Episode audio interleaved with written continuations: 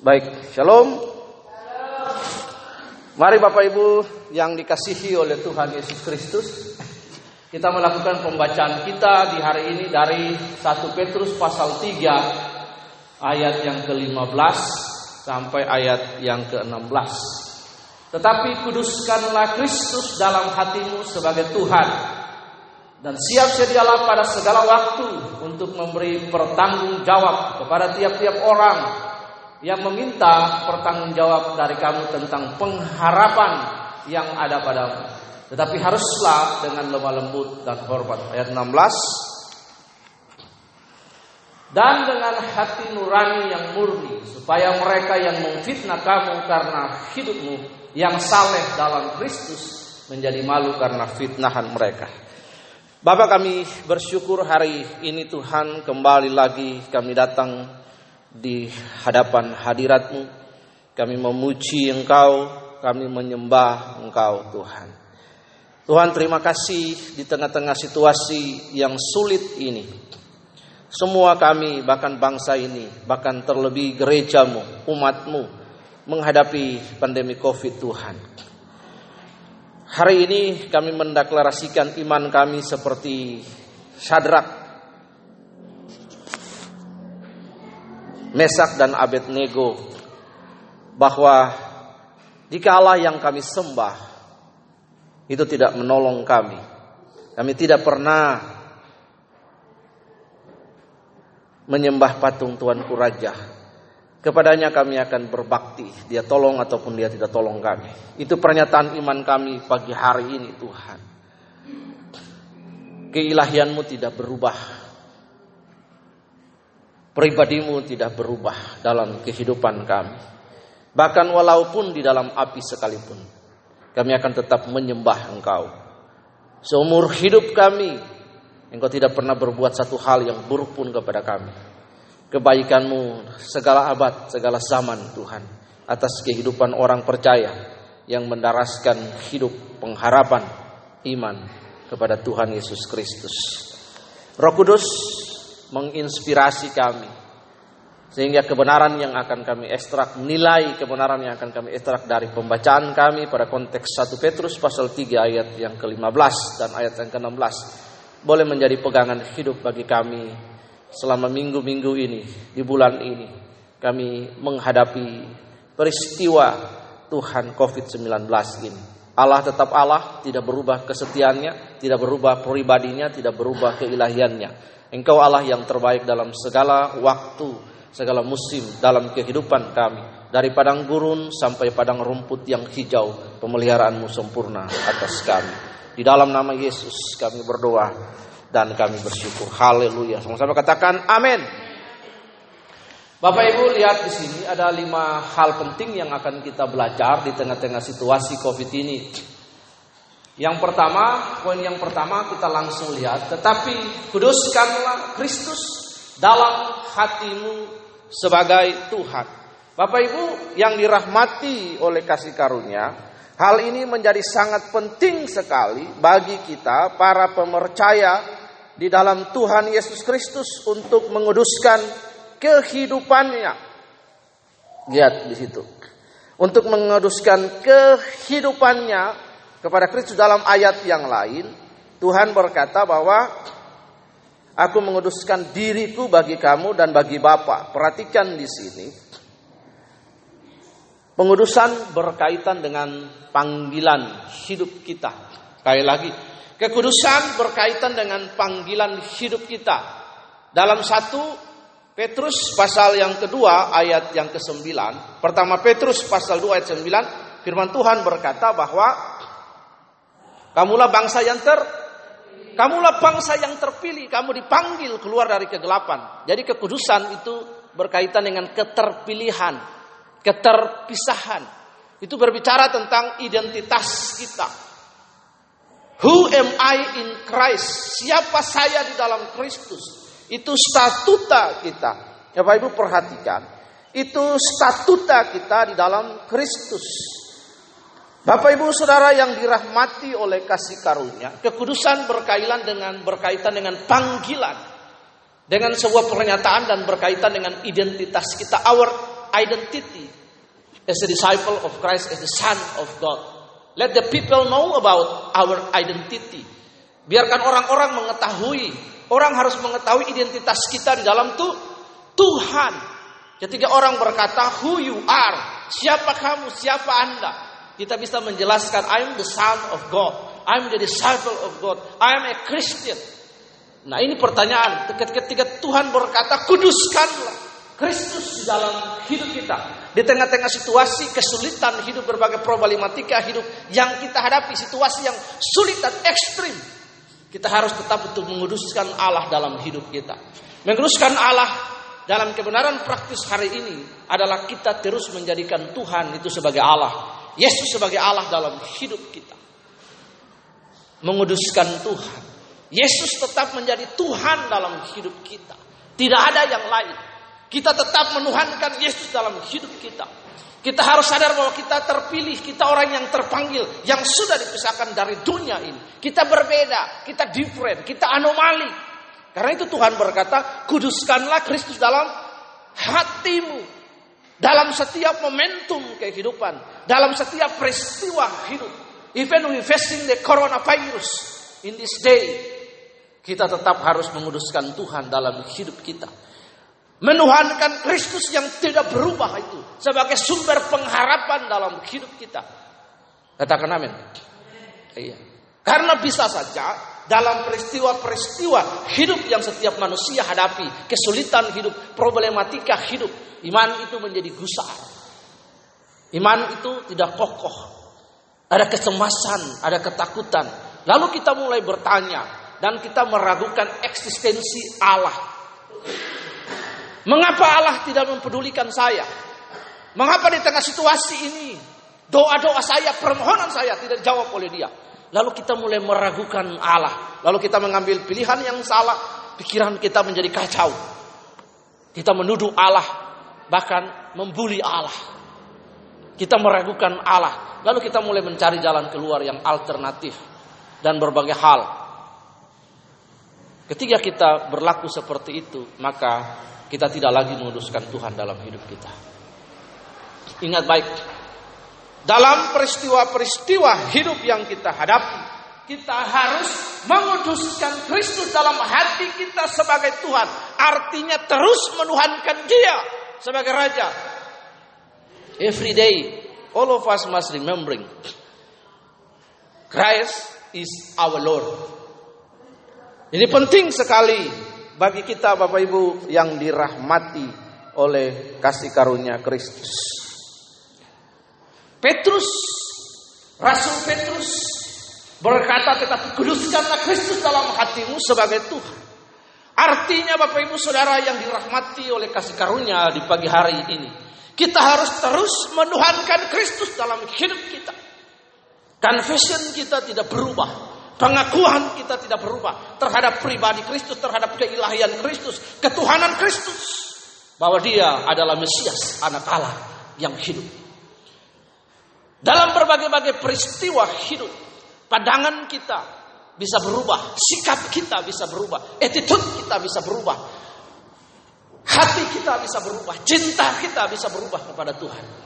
Jangankan kepada Tuhan, kepada pasangan sesama saja cinta kita bisa berubah. Kasih kita bisa memudar, cinta kita bisa berubah. Kita bisa selingkuh. Apalagi kepada Tuhan.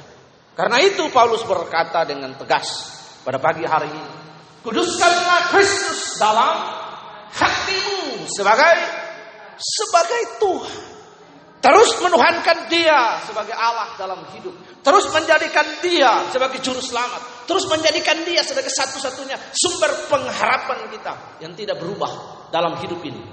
Itu penting sekali bagi kita. Terus menuhankan Kristus.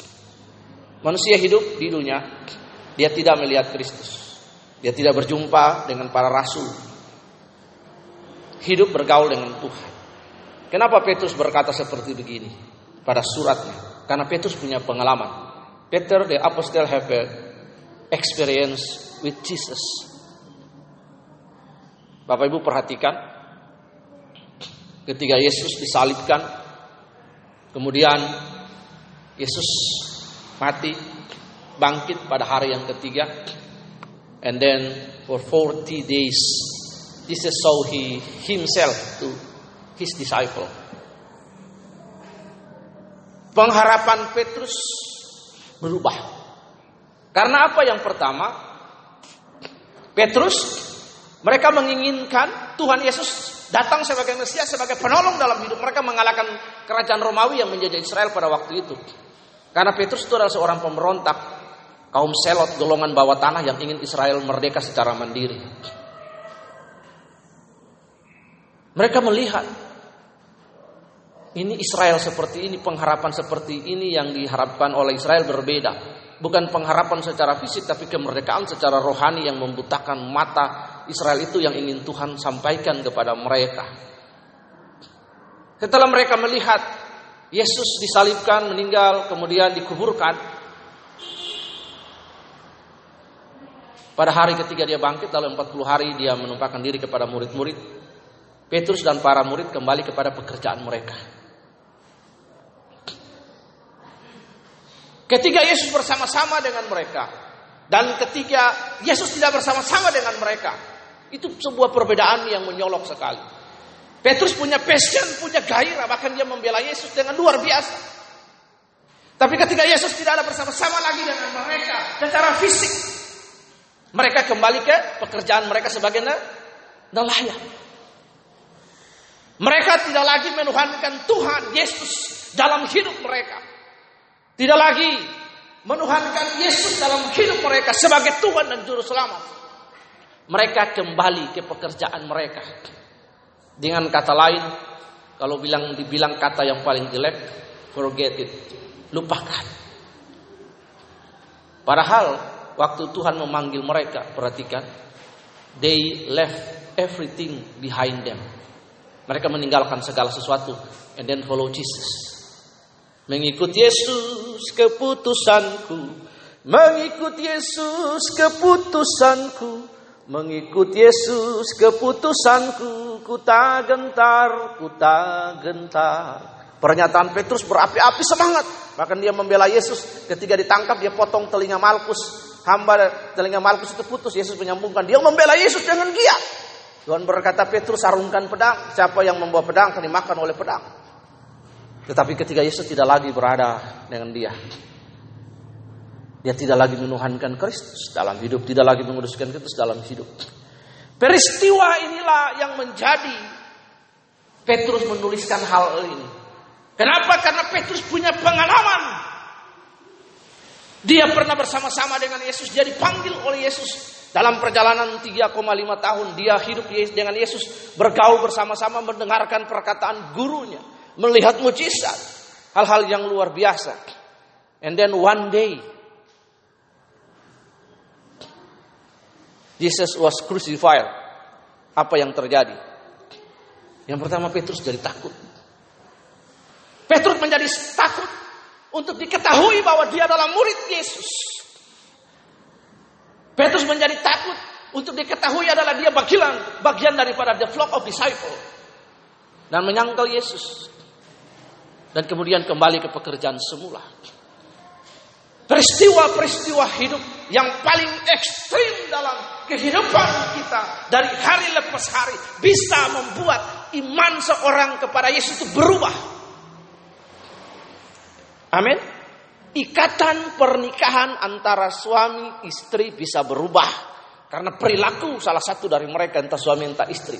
Ikatan perjanjian bisa berubah, kesepakatan bisa berubah. Karena itu, dengan tetap menjadikan Tuhan Yesus dalam hidup kita artinya terus menuhankan Yesus to really life 24 hour. There is a Christ in our life. Menyadari dalam hidup kita 24 jam ada Yesus inside me. Sehingga tidak gampang untuk kita berbuat hal-hal yang tidak benar. Karena itu, kuduskanlah Kristus dalam hatimu sebagai Tuhan. Ini penting sekali. Kuduskan Kristus. Jadikan Kristus dalam Tuhan.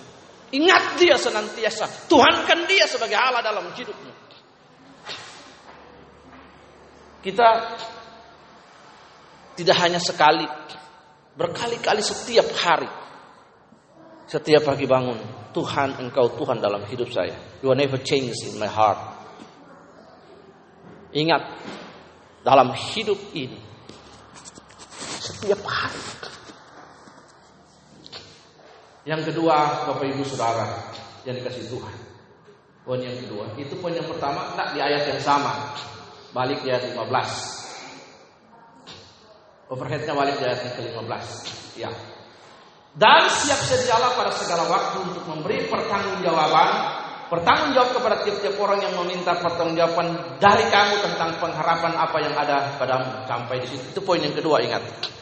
Poin yang kedua adalah memberi pertanggungjawaban. Bapak Ibu yang dikasihi oleh Tuhan, memberi pertanggungjawaban dalam pengertian ada orang-orang yang akan mempertanyakan keimanan kita. Orang akan bertanya dalam sebuah peristiwa hidup, momen, kesempatan di saat kita bersosial, berrelasi secara sosial dengan orang lain. Orang akan bertanya tentang iman dan pengharapan kita dalam Kristus Yesus.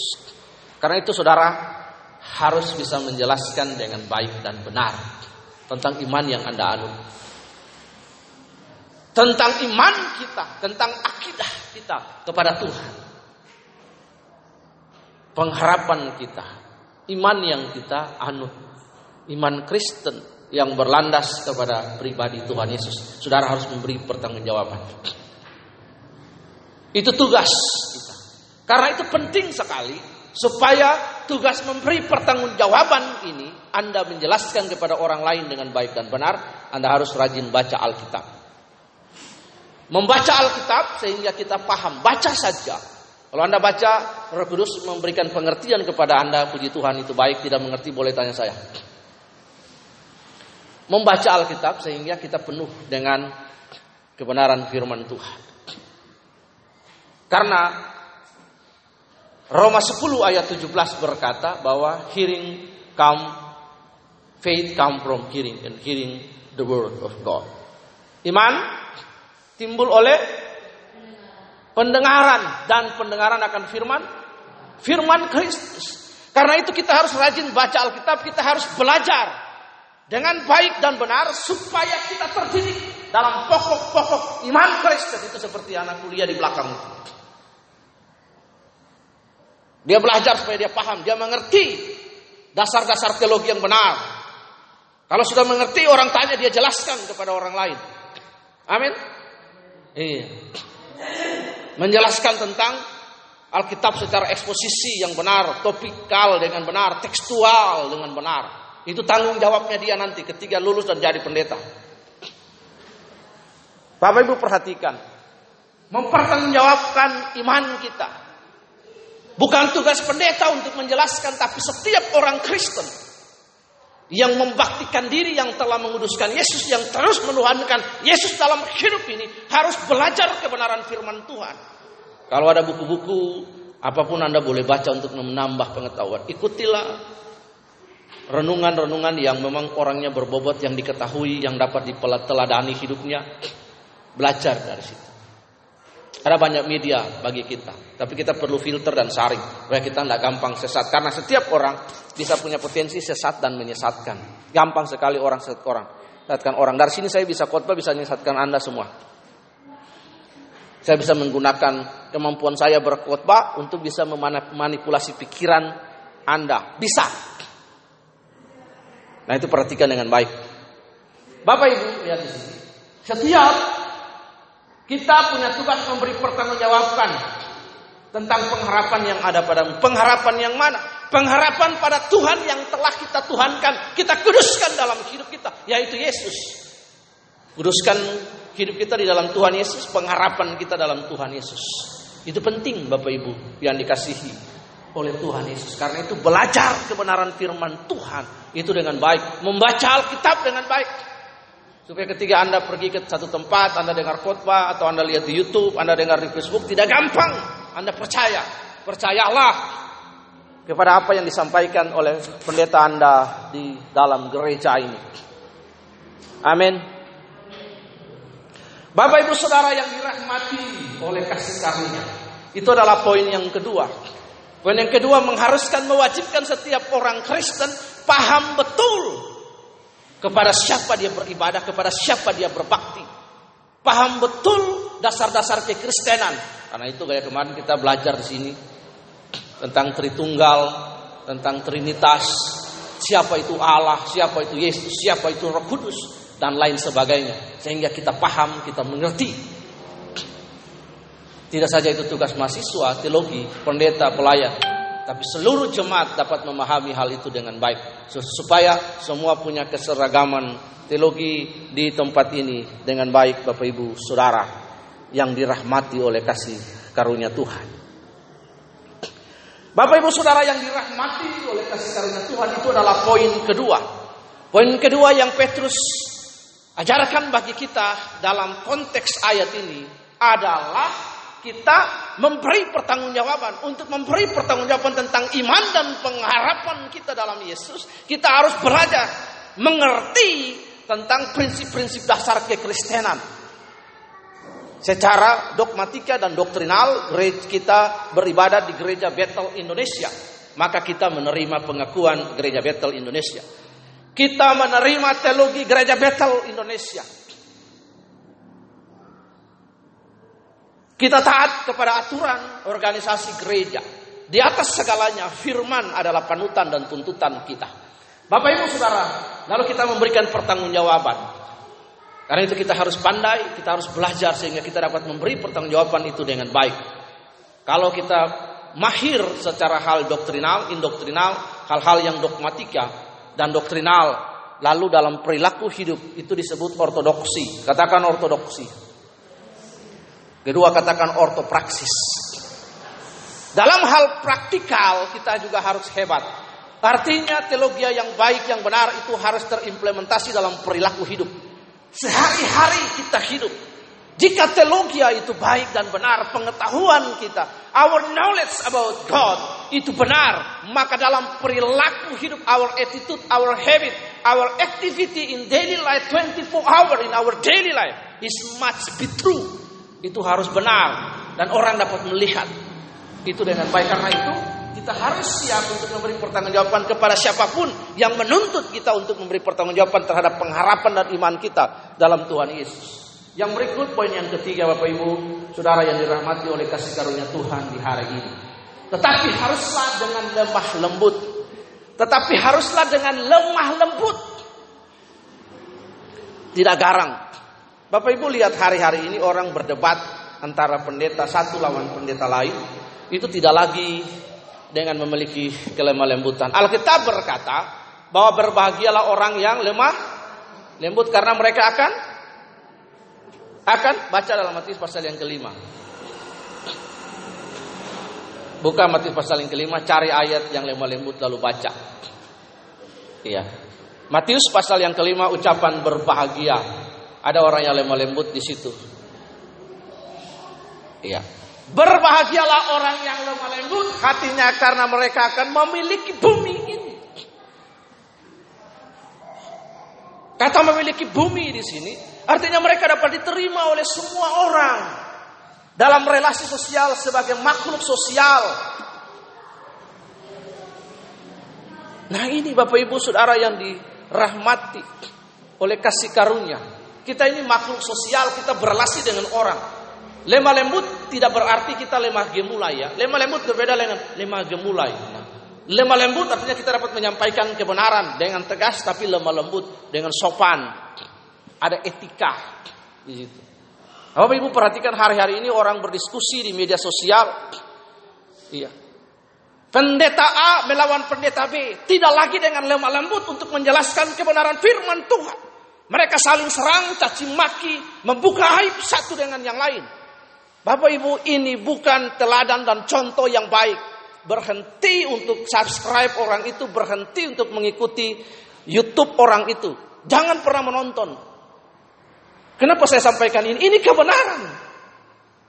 Ketika seseorang mempertanggungjawabkan keimanannya, Anda lihat hari ini para apologet, ini prinsip apologet yang ketiga adalah lemah lembut, menyampaikan kebenaran tentang firman Tuhan, kebenaran tentang hal-hal yang bahkan yang doktrinal sekalipun dogmatika sekalipun itu juga harus dengan lemah lembut. memberi penjelasan. Jadi akhirnya hari ini adalah perang YouTuber. YouTuber Kristen A lawan YouTuber Kristen B, pendeta A lawan pendeta Kristen B akhirnya caci maki, saling fitnah, saling membuka aib dan lain sebagainya. Apakah hal ini menguntungkan kekristenan? Tidak sama sekali, justru memalukan. Pintar secara teologi itu sangat baik dan perlu. Tetapi juga dengan dalam hal karakter itu perlu. Kita karena supaya kita tidak saja memenangkan otak orang itu, tapi kita juga memenangkan hatinya bagi Kristus, katakan amin. Perdebatan Seseorang bisa memenangkan pikiran orang lain, iya. Tapi belum tentu hati orang itu, karena itu ingat. Diskusi jangan pernah alergi. Debat itu baik. Tapi harus dilakukan dengan terhormat, kata Alkitab. Dilakukan dengan lemah lembut. Karena Alkitab juga mengajarkan memiliki hal-hal ini, memiliki relasi sintaktis dengan yang tadi Matius tadi. Petrus mendengar langsung Tuhan omong di atas bukit. Orang yang melembut hatinya karena mereka akan memiliki bumi. Diterima oleh semua orang. Coba kalau orang itu gak garang, kasar perilakunya, omongnya tidak benar. Apa dia bisa diterima dalam sebuah sebuah komunitas? Manusia ini kan makhluk homo sosius. Dalam berelasi pun orang pilih-pilih orang. Nah kalau kita lemah lembut, dalam pengertian kita tegas dengan kebenaran, tapi dengan sopan, dengan baik, kan kita diterima oleh semua orang. Katakan amin. Yang berikut Bapak Ibu. Yang ketiga. Empat. Dan hormat. Hormat berbicara tentang kesopanan. Ada moralitas di situ. Ada etika. Bapak Ibu, perangkat yang paling tertinggi dalam hukum itu moralitas dan etik yang akan membentuk perilaku hukum. Etika, moralitas baru di bawah hukum dan lain sebagainya. Ketiga etika dan moralitas itu sudah dilanggar. Dia bukan lagi manusia. Bapak Ibu, Bapak Ibu perhatikan. Perjalanan hidup manusia dengan segala sesuatu yang dilakukan di muka bumi itu disebut peradaban. Karena itu manusia disebut a adab. Adab manusia. Perilaku manusia kebiasaan manusia, adat istiadat manusia itu yang disebut manusia itu beradab. Dalam kurun waktu tertentu disebut peradaban manusia. Peradaban manusia di era ini. Kita lihat peradaban manusia di era ini. Era milenial 4.0. Orang tidak lagi malu-malu. Iya. Orang tidak lagi orang bebas. Amin. Orang sudah liberal. Bebas bukan berarti bebas bebas-bebasnya. Hari ini kalau Anda bermedia sosial kayak model-model TikTok, Instagram, itu Anda lihat bentuk nut ketelanjangan yang sudah merusak manusia. Amin. Zaman dulu orang untuk membuka baju saja sudah tidak malu. Hari ini orang berjalan dengan begini dikute bahkan hanya secupil begitu saja orang tidak ada seperti rasa bersalah dan berdosa. Moralitasnya itu tidak ada. Nah, dunia ini semakin berubah. Anda buka sama-sama baca. Pertama Yohanes 2 ayat 15 dan 17. 15 sampai 17 baca dengan suara yang besar. Pertama Yohanes pasal 2 ayat 15 sampai 17.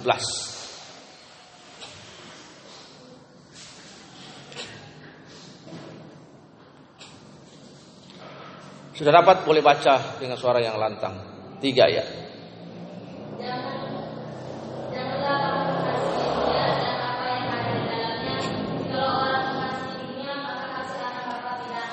Ya, stop itu. Janganlah kamu mengasihi dunia dengan apa yang ada di dalamnya. Kalau kamu mengasihi dunia, maka kamu menjadi musuh Allah di situ. Dalam satu Korintus, pertama Korintus, pasal yang ke-16 ayat 22. Berkata barang siapa yang tidak mengasihi Allah, anatema. Terkutuk. Jadi memang kita berbeda, kita opposite. Kita berbeda, kita menguduskan diri kita bagi Tuhan. Kita berbeda, kita different. Even we keep stay in the world. Sekalipun kita tinggal di dunia ini, tapi kita berbeda. Kenapa kita berbeda? Bukan karena kita berbeda, kita punya telinga besar sebelah panjang tinggi, enggak. Muka kita berbeda, manusia tetap sama. Tapi perilaku hidup kita itu berbeda. Attitude kita itu berbeda. Katakan amin. Let the others people know about us. There is a Christ in our life. Biarkan orang tahu bahwa ada Yesus dalam hidup kita. Nah, oh iya. Sehingga orang Bali bilang, oh, no Maria nak Kristen no, hidupnya luwung saja. Ah, iya kan? Kan begitu. Amin. Itu perilaku hidup. Dengan hormat. Hidup kita dengan hormat. Poin yang terakhir. Ayat 16. Dan dengan hati nurani yang murni supaya mereka yang memfitnah kamu karena hidupmu yang saleh dalam Kristus menjadi malu karena fitnah mereka. Dan dengan hati nurani yang murni. Bapak Ibu, pusat kehidupan manusia itu ada di hati nurani, disebut nesyamah atau conscience, sunar desis. Kalau hati nurani sudah mati, tidak bisa berkutik, tidak bisa alarm itu tidak bisa berdetak lagi. Maka pusat kendali moralitas hidup. The place, tempat di mana Allah berbicara kepada kita lewat hati nurani menjadi tumpul. Daud berkata sepanjang malam aku mengajari hati nuraniku tentang rahmat dan kebaikan Allah.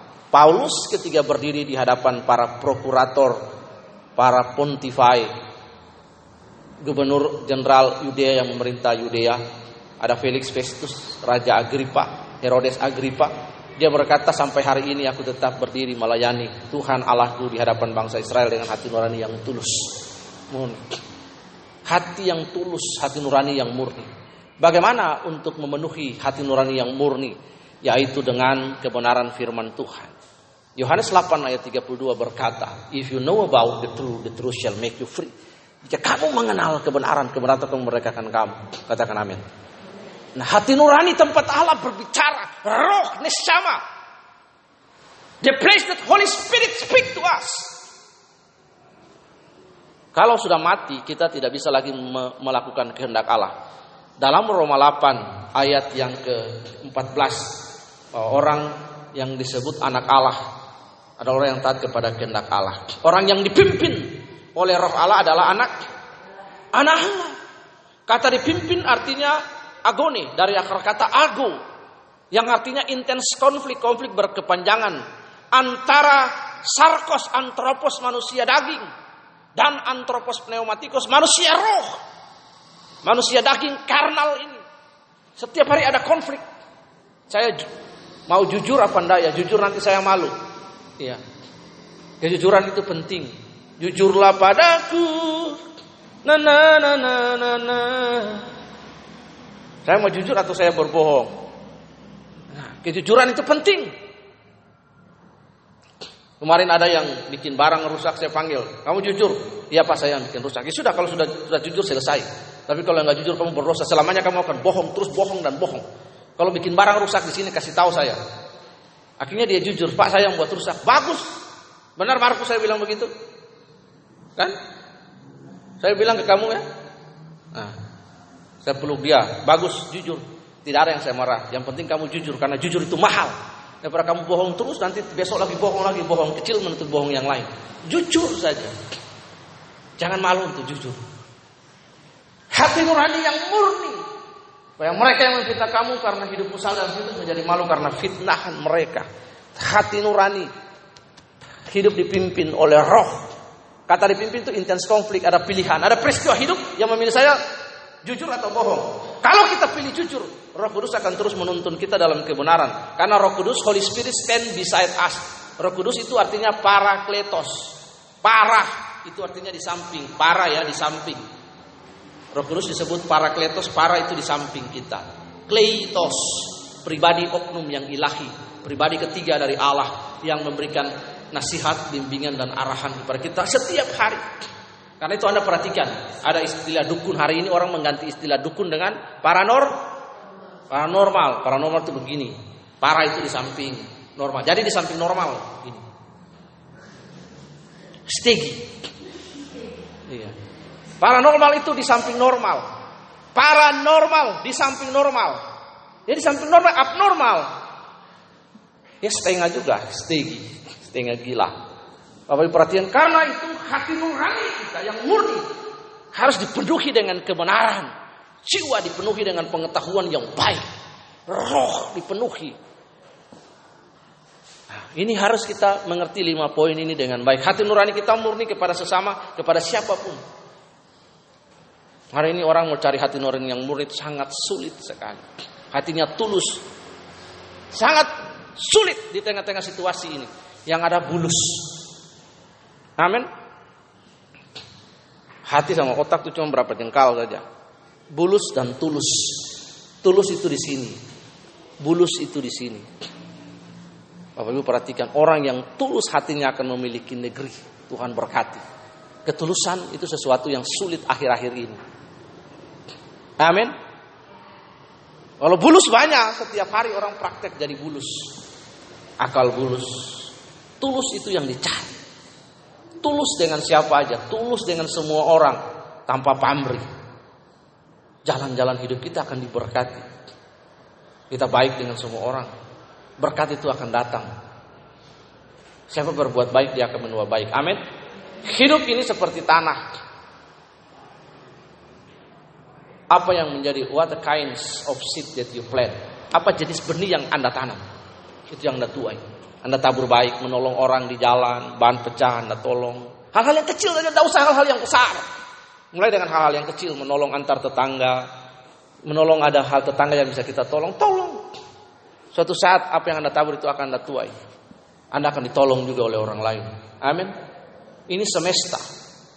Perilaku hidup kita yang benar itu terkoneksi dengan alam semesta ini, dengan Tuhan. Karena itu ingat hal ini baik-baik. Jaga hati nurani kita. Poin yang pertama tadi kita terus menuhankan Tuhan dalam hidup kita. Yang kedua kita harus rajin membaca firman dan kebenaran supaya kita dapat mempertanggungjawabkan iman kita dengan baik dan benar kepada orang lain. Yang ketiga harus dengan lemah lembut karena orang yang lembut memiliki bumi. Yang keempat harus dengan penuh hormat. Kekristenan ada banyak orang Kristen berubah. Bilang berubah, tobat, kumat. Ada orang Kristen dalam gereja melayani hebat, bahasa roh hebat. Tapi perilaku hidup hari-harinya rusak, hancur. Moralnya rusak. Haleluya di gereja, tapi di luar halelupa. Jadi ingat, moralnya rusak, tidak ada lagi kehormatan. Situ etika, moral Kristen yang baik.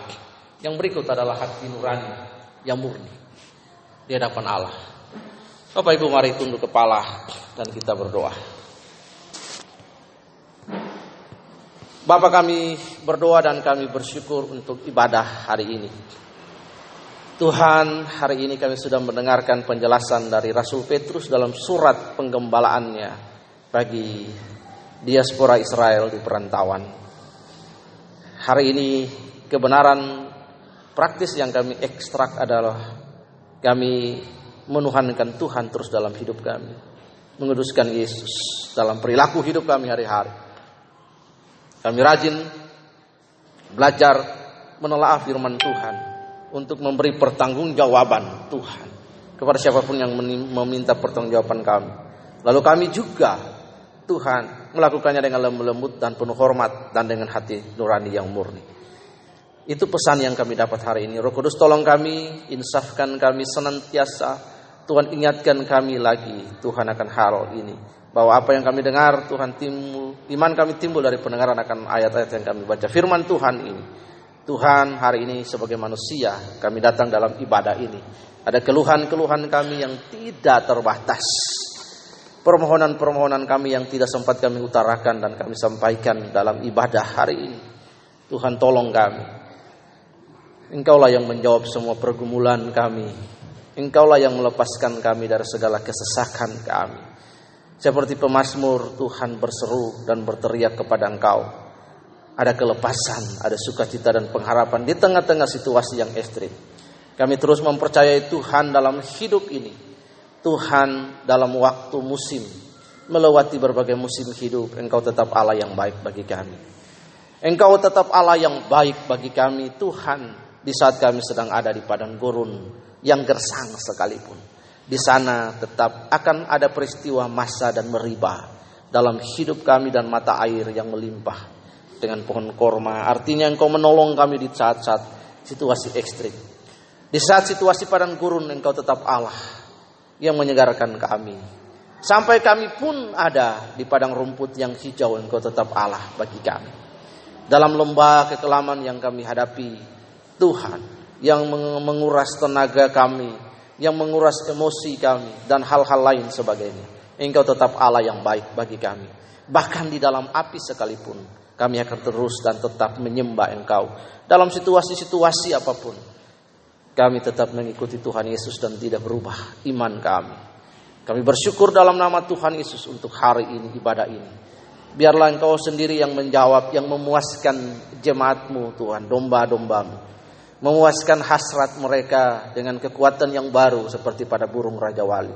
Engkau menjawab pergumulan-pergumulan yang tidak tersampaikan lah dalam ibadah ini. Engkau hibur mereka, engkau kuatkan mereka, engkau memberkati pekerjaan-pekerjaan mereka. Biarlah mereka juga mengalami Engkau Tuhan. Biarlah mereka seperti burung Raja Wali yang terbang tinggi. Berlari namun tidak lelah Tuhan.